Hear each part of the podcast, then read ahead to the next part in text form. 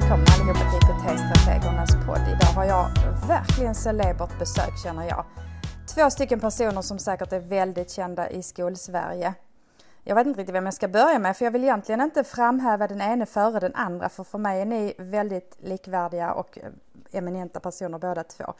Men jag tar från vänster till höger så som det ser ut här på min skärm för vi spelar in via möte. Jenny ligger först här till vänster. Eh, Jenny Nyberg. Frågan är, ska jag säga någonting om dig Jenny eller vill du säga någonting själv?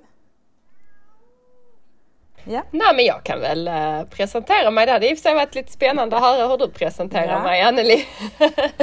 men uh, ja, Jenny Nyberg uh, jobbar som rektor i Malmö stad i vanliga fall. men också författare till boken Organisera för en digital skola.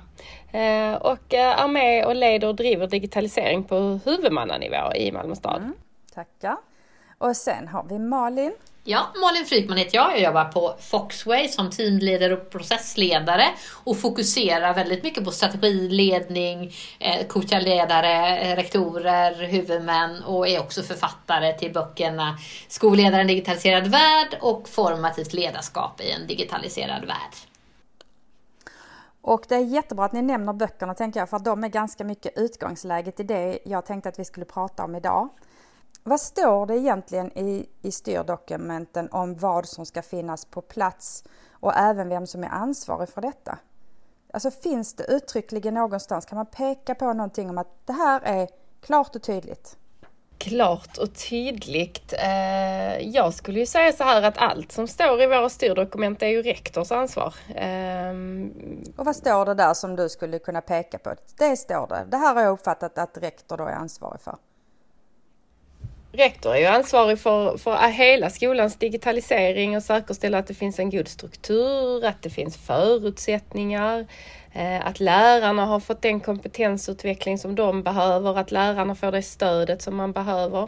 Eh, det är väldigt klart och tydligt uttalat att eh, jag som rektor behöver involvera alla verksamheter i det systematiska kvalitetsarbetet, så även digitaliseringen behöver vara en del av det systematiska kvalitetsarbetet. Eh, och sen står det också väldigt klart och tydligt att det är huvudmannens ansvar att säkerställa eh, att rektor leder digitaliseringen eh, på skolan och att rektor har det stöd man behöver. Och sen vill jag också förtydliga att skolbibliotek är ju väldigt också reglerat och det behöver man särskilt beakta i det här arbetet. Och jag skulle vilja hoppa fram ett steg eh, eh, och även börja med den internationella digitaliseringsstrategin. För där står det väldigt tydligt att huvudman och eh, rektor eh, ska ha eh, eh, god förmåga att strategiskt leda digitalt utvecklingsarbete. Och sen kommer ju det konkreta för rektor i förskolans läroplan, i grundskolans läroplan, i gymnasiets läroplan och i Vux läroplan. Så där har vi ju en väldigt tydlig ansvarsfördelning. Eh, men allt det här arbetet, och sen finns det ju också massor av skrivningar i varje skolforms läroplan. Tittar vi på förskolans läroplan så kanske skrivningarna är mer kopplade till digitalisering som medel medan i grundskolan och övriga skolformer så handlar det om digitalisering som medel och mål. Och där det är väldigt konkret ibland vad, vad rektor ansvarar för under rektors ansvar. Både all kompetensutveckling och tillgången till verktyg, möjligheter eh, och den delen och såklart skolbiblioteken som, som Jenny lyfter, att digital kompetens och skolbibliotek och språkutveckling är lika med kärlek för elevernas lärande. Och då tänker jag, det låter som att det är ganska tydligt med vad som förväntas. Men man kan ju stöta på olika typer av hinder. Vad finns det för hinder? Vad kan man göra åt de hindren för att faktiskt uppfylla det som står att man behöver ha på plats och det man ansvarar för som rektor? Alltså precis som Malin säger, den nationella digitaliseringsstrategin är ju eh, en 12 sidor lång skrift eh, som eh, jag som rektor läser med penna och papper vid sidan om och verkligen gör anteckningar och kopplar den till min verksamhet och hur syns det här? Hur har jag organiserat det? Eh, och jag tänker det tredje målet som handlar om hur man följer upp och jobbar systematiskt och även kopplar forskning. Eh, där tänker jag att där eh, behöver jag ju särskilt beakta det och det kan väl jag säga att det är för många rektorer och huvudmän ett, ett, ett hinder att leva upp och då behöver då behöver ju huvudmannen se till att rektor får stöd vad gäller hur kopplar man på forskning, hur följer huvudmannen upp digitaliseringens Eh, påverkan på undervisningen och, och, eh, och på, dem, på det viset ger rektor stöd eh, just i den delen. Ehm, men även i de andra två delarna så jag tänker ett hinder som jag kan se för Sveriges rektorer är ju att man kanske inte har det stödet från huvudmannen som man skulle behöva. Eh, och det har eh, jag verkligen ett gott stöd och det är också vi rektorer som är med och leder stödet för andra rektorer och det tror jag är en stor framgångsfaktor. Att det är vi som sätter agendan vad vi behöver för stöd. Och jag skulle vilja tjocka på där, för det är det absolut största och vanligaste hindret som jag ser när jag är runt om från Norrland till Skåne är just det att det finns en okunskap på huvudmannanivå kring detta.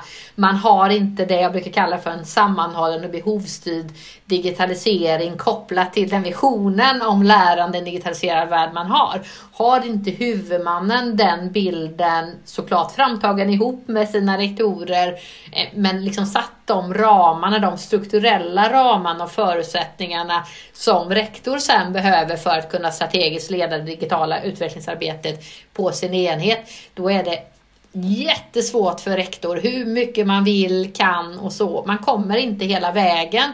För att när det gäller digitala ekosystem, när det gäller följa liksom, eh, säkerhetslagar, när det gäller samordna kompetensutveckling så kan man göra väldigt mycket på sin egen enhet men man kan inte göra hela vägen. Och just det att tydliggöra roll, ansvarsfördelning och tillsammans huvudman, eh, rektor, lärare och ända liksom ner till, till liksom elevnivå ibland. Nu har jag sett goda exempel på få den gemensamma målbilden. Vad är det vi vill? Hur gör vi? Vem gör vad? är superviktigt. Men det kräver ju en väldigt eh, strategisk eh, sam samarbetsförmåga och att man också enas upp mot politikernivå kring digitalisering. Jag tror att det är mycket det ni har gjort i Malmö. Det finns många goda exempel, men finns inte den gemensamma bilden eller det gemensamma åtagandet. Sen att varje roll gör olika saker och har olika actions för att lyckas är ju självklart. Men har man inte den eh, bilden eh, eh, ihop då blir det ohyggligt svårt. För här handlar ju om pengar, ekonomi. Det kan inte vara så att en rektor ska välja mellan att ha råd med specialpedagog eller skolbibliotekarie eller att se till att alla elever blir väl förberedda inför digitaliseringen av de nationella proven. Men ibland är det faktiskt det som våra rektorer sitter i. Jag har inte råd med allt detta. Allt detta är det ska på. Men jag måste ändå välja. Liksom. Så huvudmannens stöd, huvudmannens sätt att leda den här processen som det är, digitalt utvecklingsarbete och huvudmannens förmåga att koppla på rektorer och nyckelpersoner, medledare och den delen utifrån elevernas eh, och styrdokumentens behov och uppdrag är avgörande i detta. Eh, det är ett, likvärdig digitalisering kan ingen på egen hand lösa. Det är teamwork från huvudman ner i klassrummet. Ja, och jag tänker inte bara det du beskriver Malin, utan även eh, den här formuleringen som heter eh, rektors förmåga att strategiskt leda digitalt utvecklingsarbete.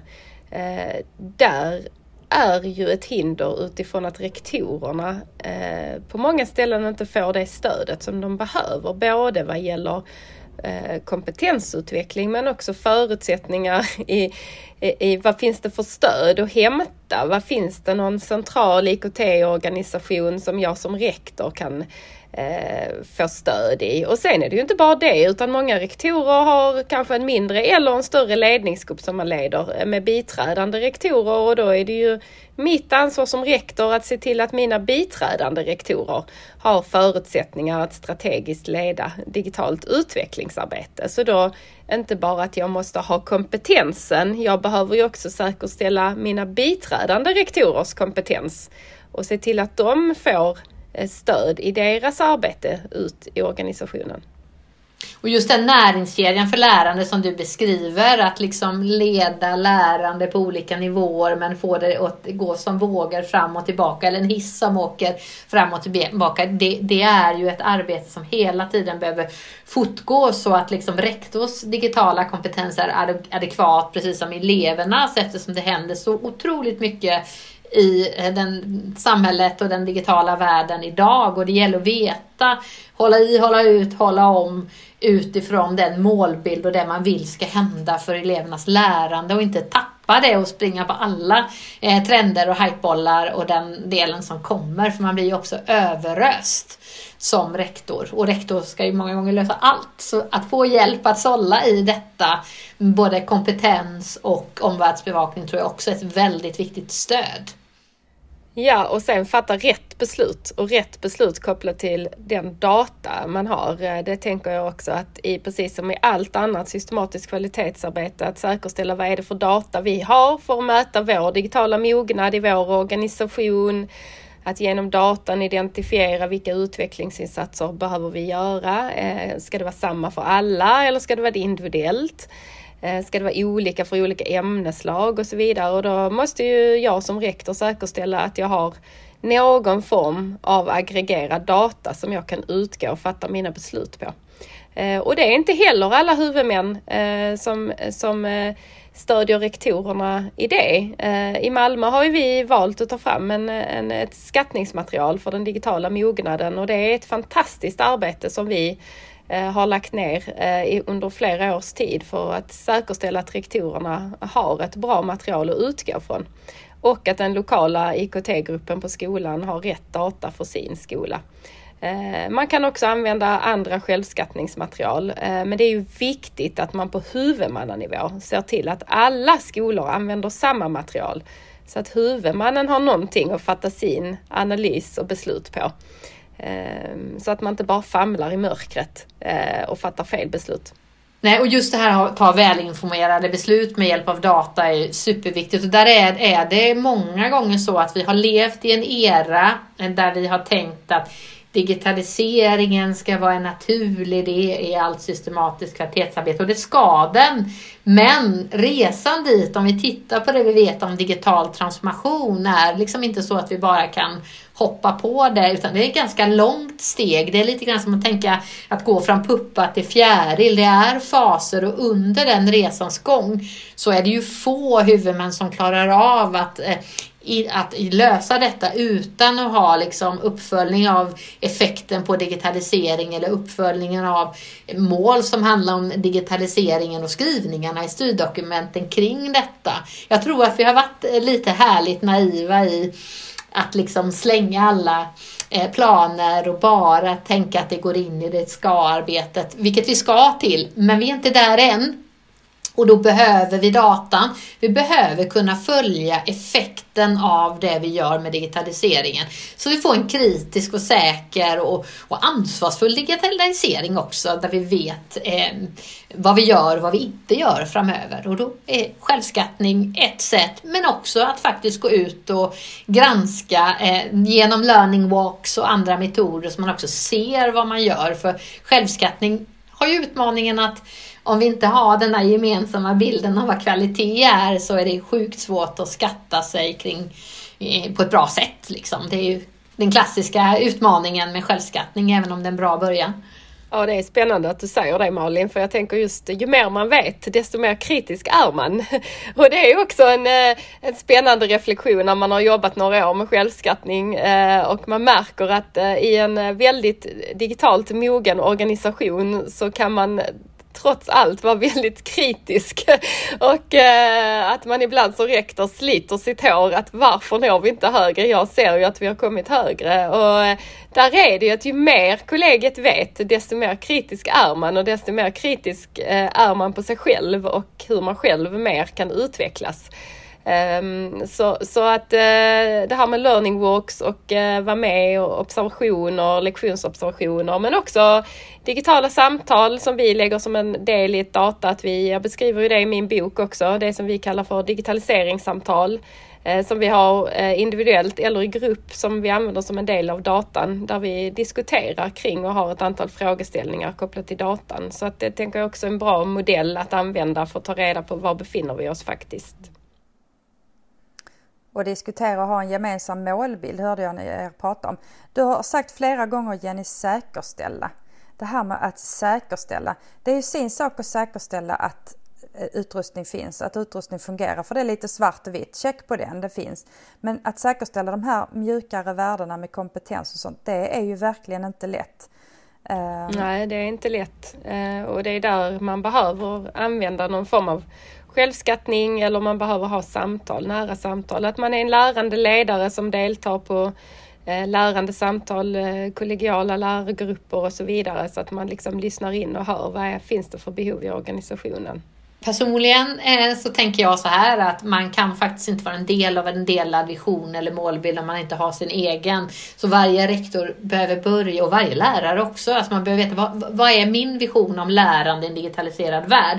Digitaliseringen börjar inte med inköp utan det börjar med den målbilden och att vi delar den målbilden och enas om någonting eh, som är liksom, ja men det här tror vi gynnar våra elever utifrån den framtiden de går till mötes. Så, så där blir ju det är kompassen i resan eh, framåt och många gånger så hoppar vi över den. Vi börjar med inköpen eller vi börjar med att organisera saker och ting men vi vet inte vad vi vill och det, ibland, ibland kan det vara en bra början. Det finns liksom inte en väg på detta men man måste ganska snabbt är, liksom hitta den här bilden så att man har en, en gemensam eh, destination men olika vägar till den. Eh, superviktigt och tyvärr så ser jag alldeles för ofta när jag går in och kartlägger att man lite grann har skyndat på, hoppat över den delen och så sitter man kanske ett, två år senare och undrar vad var, vad var det som hände? Varför händer ingenting? Eh, man har haft fokus på basutbildningar, knapptyrkeri och den delen och fått en hög användargrad. Men kanske inte det där man ville med lärandet och det är ju en helt annan grej. Eh, att få det att bli lärande, det kräver ju en enormt hög didaktisk kompetens, en enormt hög eh, möjlighet att kunna avgöra vilket verktyg eller vilken miljö eller vilken resurs jag ska använda till vad. och också ett hela tiden fokus på att lärande är någonting som är levande och att det faktiskt idag är så att teknik kan lära oss saker, att det inte bara är vi människor som lär oss saker av oss själva. Liksom det är ett helt annat mindset. Mm. Ja men det stämmer det du säger och jag tänker att där, där handlar det om att som skolledare att börja på sitt eget why. Vad är det jag vill och eh, vad vill jag med min skola? Vilken väg ska vi ta? Eh, men också eh, att se till att man får sin egen fortbildning eh, som skolledare. Att man träffas i digitala lärgrupper, andra lärgrupper med andra skolledare. Att man fortbildar sig själv. Det allra viktigaste är ju att föregå som gott exempel och jobba i de plattformarna där lärarna jobbar, att man delar sitt material där. Eh, att man inte vet och kan allt bäst utan att man visar på att det här är svårt för mig också. Det här är något jag lär mig. Eh, att man, eh, en strategi jag har haft är att kasta in mig på nya verktyg, nya strategier och inför lärarna vara lite halvosäker så att jag visar att jag är inte den som liksom kan det här verktyget bäst. Och så. För det är ju där man står framför sina elever och ibland eh, kraschar systemet och då eh, behöver man liksom ta hjälp av någon som sitter i, i publiken bland eleverna eller så. Och då jobbar jag likadant eh, gentemot eh, kollegiet. Eh, så det det tänker jag är en bra strategi, eh, att kasta sig in i de olika verktygen som finns på skolan. Och just det du nämner nu, att faktiskt ta ansvar som skolledare för att utveckla sin egen adekvata digital kompetens eh, utifrån de fyra aspekterna som finns i, i våra styrdokument, men utifrån ett ledarskapsperspektiv och våga vara den här lärande ledaren som, som modellerar medvetet med de här delarna tror jag är fullständigt avgörande både för att, att eh, utveckla sin egen kompetens men också såklart för att bygga den där trygga, eh, lärande fail-kulturen som vi vill ha, komma till där, där det, det faktiskt är ett lärande som, som sker ihop. Eh, jätteviktigt och jag skulle vilja säga det om kompetensutvecklingen också oerhört viktigt att våga prioritera sig själv där som skolledare, både när det gäller nätverk, när det gäller utbildningar och när det gäller den, den delen. Eh, jag har förmånen att coacha och processleda många skolledare och allt för ofta så man kanske har planerat in detta i kalendern, man vet, alla vet att det här är viktigt, alla vet det. Och man kanske har en tanke och man, man planerar. Men sen händer det någonting i organisationen och av kärlek till sin organisation, för alla rektorer vill det bästa för sina medarbetare, så bockar man av eller bokar om och prioriterar något annat. Och det här blir någonting som är positivt från början, men som faktiskt blir en björntjänst för organisationen på sikt eftersom man behöver vara så uppdaterad Eh, och omvärldsspanande som rektor. Till slut blir det en sån lång eh, uppförsbacke att man skaffar sig ett digitalt alibi. Till exempel en IKT-pedagog med en liten procent så, och så lägger man allt digitalt utvecklingsarbete där. Och det är eh, där jag menar att där måste huvudmannen in ja. och göra det liksom att det, det måste finnas ett stöd. Eh, det måste vara angeläget för rektor att ha fokus på det digitala strategiska arbetet. Mm, jag halkar lite grann in på det jag tänkte fråga. Vad behöver man Alltså för ni har pratat om huvudmannastödet, men vad behöver man ha för stöd och hjälp och på plats på sin egen skola som rektor? Ja, det beror lite på hur huvudmannen är organiserad. Eh, men jag tänker ju att man, eh, precis som Malin nämnde tidigare, den eh, digitala, nationella digitaliseringsstrategin, ta fram den, granska den. Okej, okay, hur ser det ut på min skola? Vilket stöd har jag? Hur ser det ut med skolbibliotekarie? Hur ser det ut med digitaliseringsansvarig? Jag har ju valt att inte kalla det för IKT-ansvarig utan digitaliseringsstrateg eh, eller digitaliseringspedagog eller digitaliserings ämnesansvarig, det är lite olika. Eh... För att mer fokusera på att det inte bara är tekniken Precis. utan komma vidare i lärandet. Sen har jag ju valt att ha en IT-administratör som bara jobbar med digitala enheter. Eh, som hanterar allt det där som inte har fokus på undervisning utan som ska säkerställa att undervisningen fungerar.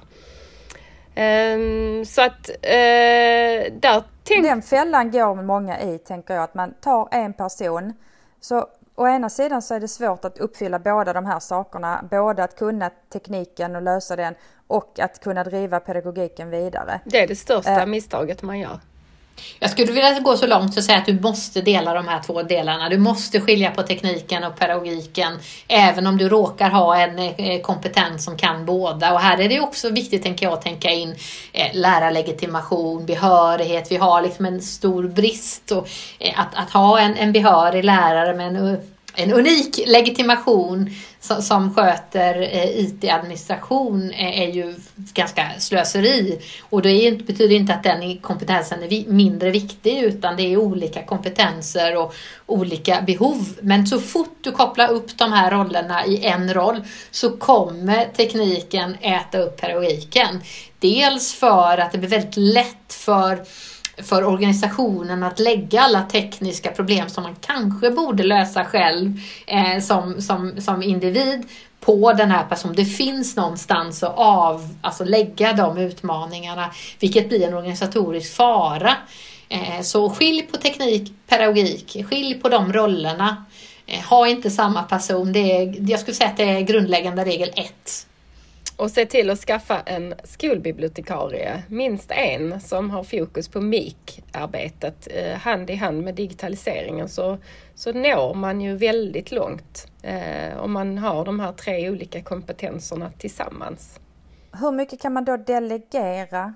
Alltså om man är väldigt belastad som skolledare, hur mycket kan man våga lämna ifrån sig? Jag tänker att man inte bara ska tänka delegera utan distribuera. Alltså att man är liksom samordnare, sam, samhållare eller man håller ihop allting lite grann som en sambandscentral. Men sen att man tydligt fördelar uppdraget och ansvaret för, för, för liksom sakfrågan men att du ändå står bakom besluten. Sen tar du beslutet som den kloka pedagogen har kommit fram till utifrån den kunskapen men att, att man både gör det väldigt tydligt så man får en distribuerad organisation där, där, där rätt kompetens har, har, samlar in beslutsunderlag till, till rätt sakfråga men att du ändå som rektor är ju den som aldrig kan backa från de här frågorna fullt ut eftersom det behöver in i budget, det behöver in i organisation och schemaläggning och de delarna. Eh, det är liksom verksamhetsbeslut som hänger ihop med chefsmandat. Ja, jag tänker det som Malin beskriver. Eh, en organisering är ju till exempel att man som rektor är den som håller i, i eh, taktpinnen och liksom nu det är hit vi ska. Uh, jag själv har ju möte varje vecka med min digitaliseringsgrupp. Uh, sen har jag ju distribuerat ledarskapet beroende då på olika uppdrag.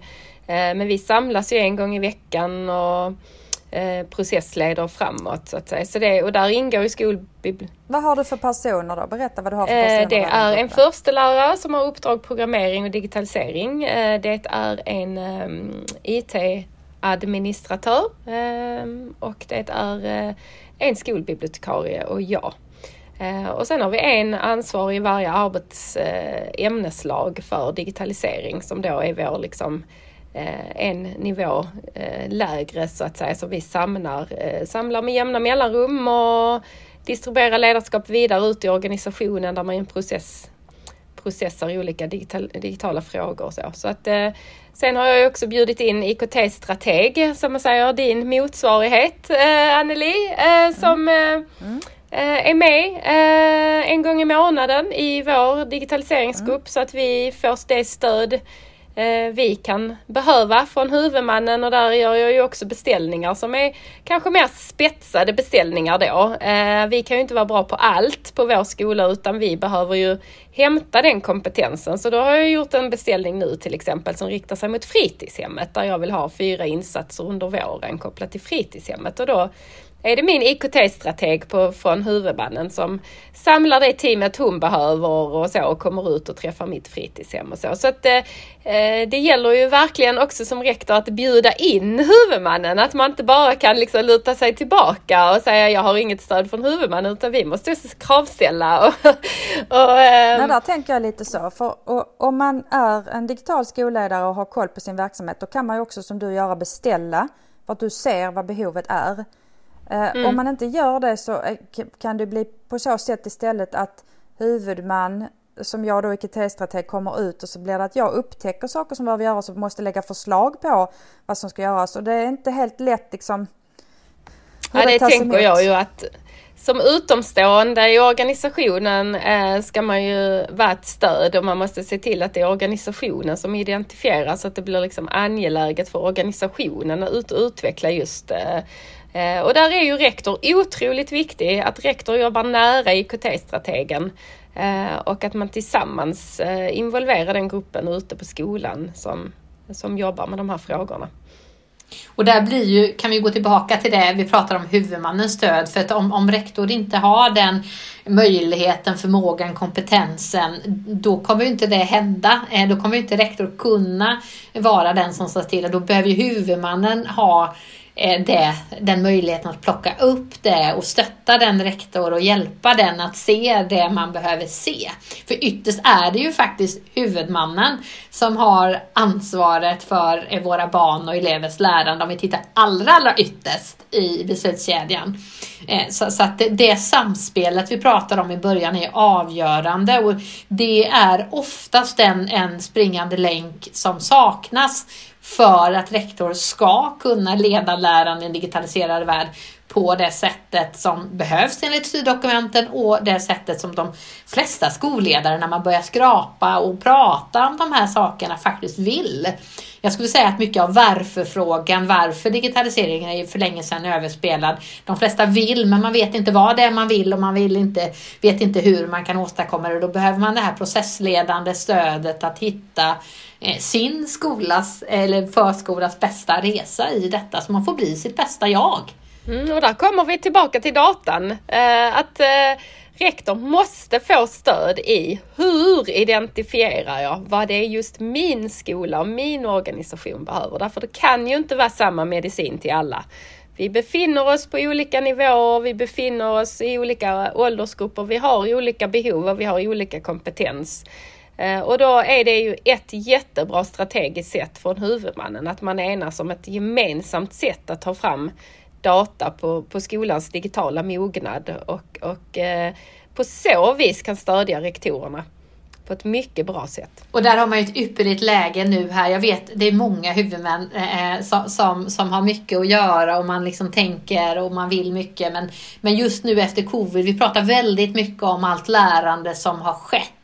Men det är väldigt få som kan sätta ord på exakt vad det är för lärande som skett. Så att göra liksom en ordentlig kartlysning, genomlysning, kring det nya nuläget som faktiskt är nu och bygga behoven och också uppföljningen efter det. Jag skulle säga även de systemen man hade innan för att eh, kartlägga sin data och följa upp sin data. Alltså det är ju andra saker vi ser idag efter den här lärorika tiden. Så det är, ett bra tillfälle att ta omtag och har man inte haft det innan så är det ett bra tillfälle att börja för utan det så går det inte att få en likvärdig digitalisering. Och för de skolorna som har jobbat med analys av data eh, har ju jättespännande arbete framför sig att se vad hände faktiskt med min verksamhet?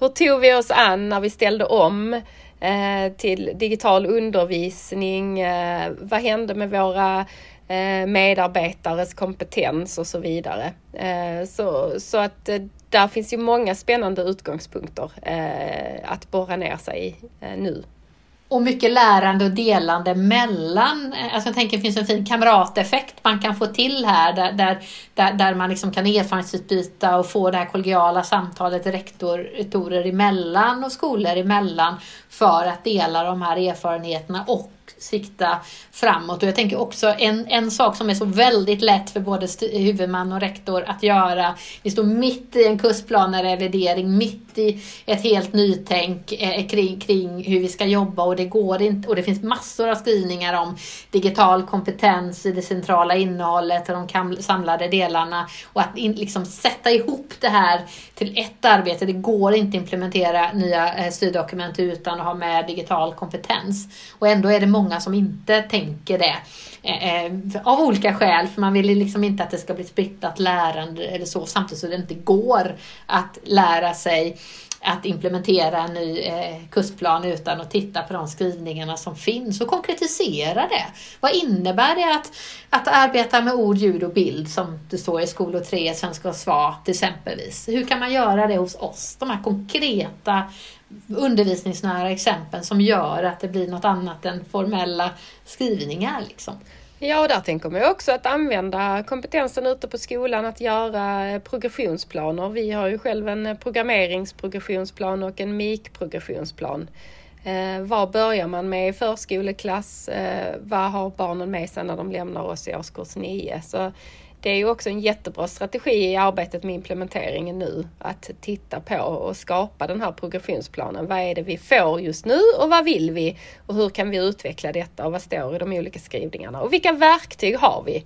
Vad har vi från huvudmannen? Eh, för många huvudmän har ju köpt in eh, verktyg och program och så. Eh, men hur använder vi de här programmen på rätt sätt? Och vad har vi för stöd i det arbetet? Och hur upprätthåller man det? Det här är inte en engångsimplementering utan det här är någonting man måste fortsätta och så kommer det nyanställda. Hur, om man då har jobbat upp sig till en ganska bra nivå eh, även om man alltid har mer kvar man kan göra. Men hur, hur... Fast jag tänker ju där Anneli att om man som rektor bygger in det i det systematiska kvalitetsarbetet, om det är en del av skolans Eh, Eh, progression och utveckling och att man jobbar med veckovisa möten och man gör uppföljningar på terminsbasis och man gör självskattningar och så. Då blir det ju en del i ens vardagliga arbete så då blir det ju ingenting vid sidan om så att säga utan det blir ju integrerat i skolans organisation. Jag förstår vad du menar Anneli, för jag möter ibland den här eh Ehm, och det, det händer någonting när, när skolor har jobbat jättemycket med digitalisering. Ungefär tre, tre mellan år tre och år fyra. Man blir lite grann, ja men nu, nu kan vi detta. Eh, och jag tror att det har också med att göra det vi lyser på det händer. Och om man lyst väldigt mycket på något så blir man lite trött på det och även om man har systematiserat det så som du beskriver Jenny och gjort det till ett formativt förbättringsarbete eh, efter konstens alla regler så, så blir det också så att, att man, man nog ibland behöver nästan tappa för att ta två steg framåt. Jag tror att det är en naturlig del i utvecklingen. Men där behöver vi återigen huvudmannen som hjälper till att kärleksfullt knuffa på oss när vi handlar. För det är lätt att bli lite Ja, men nu kan vi det här, men det är ju få som har gått från användande till lärande när det gäller digitalisering. Det är nog där de flesta är nu, att göra det här krivet. Eh, det vi ville göra när vi började föra in NTN 2009, 2010 och de visionerna vi hade. Vi är ju inte där än eh, på långa när skulle jag säga. Eh, det tycker jag Skolverkets senaste uppföljningsrapport, den som kom förra veckan, visar väldigt tydligt om man tittar på de olika delarna där att det är fortfarande mycket bra, härligt lärande att göra. Och man blir nog lite bekväm efter ett tag eh, eftersom man har belyst någonting länge. Det är nog helt naturligt. Ja men jag tänker om man har ett bra datainsamling också så ser man ju var man dippar i organisationen. Man dippar på olika, i, olika delar olika år eh, och det är då man behöver ta sig an där, där man dippar. Och det blir ju också då lite att man eh, som du säger Malin, att man lite går bakåt. Okej, okay, oh, vad var det som hände här? Eh, har vi inte pratat eh, assisterande teknik? Nej, det har vi ju inte gjort förra läsåret, för det gjorde vi ju läsåret innan och då, då dippar vi lite nu här igen och så har vi kanske lite nya kollegor och ja, men då måste vi fånga upp den bollen och så. så att lite blir det ju eh, tillbaka till datan där, att eh, du famlar ju i mörkret om du inte har något att utgå från. Eh, och då måste du ju ha någon form av mätverktyg eh, i organisationen. Men också externa ögon som till exempel huvudmannens IKT-strateg som ni har nämnt. För man blir ju också hemmablind. Så även om man har datan och bygger datan mest på självskattning och samtal och inte learning walks och, och, och den delen, då blir man ju väldigt lätt hemmablind. Så jag tänker att plocka på huvudmannens IKT-strateger eller gör learning walks åt varandra. Eller, eller titta på varandras data med nya ögon så att man får det här eh, som man behöver när man har jobbat väldigt länge med ett område, att någon annan ser eh, saker som vi faktiskt inte själva ser efter ett tag. Ja, de där skattningssvaren är inte helt enkla. För det beror ju på kulturen på skolan. Om man ja, du pratade om det innan, liksom att ju mer man kan, ju mer eh, krav ställer man också. Så att, och var är man i sin resa? Har man jättehöga krav på sig själv, vilket gör att man svarar lågt, eller så, så det är inte helt enkelt med sådana svar som är självskattning. Eh, Ja, man måste ju kombinera eh, ett sådant verktyg med, med det som Malin beskriver på något sätt. Och gärna också eh, sätta samman eh, olika ledningsgrupper, enheters ledningsgrupper med rektor och, och, ledningsgrupp med andra enheter så man liksom blir den här kollegiala kritiska vännen i det. Ett annat enkelt sätt att bara förebygga den här hemmablindheten som alla fastnar i. För det, vi behöver varandras för att lära vidare eh, tillsammans.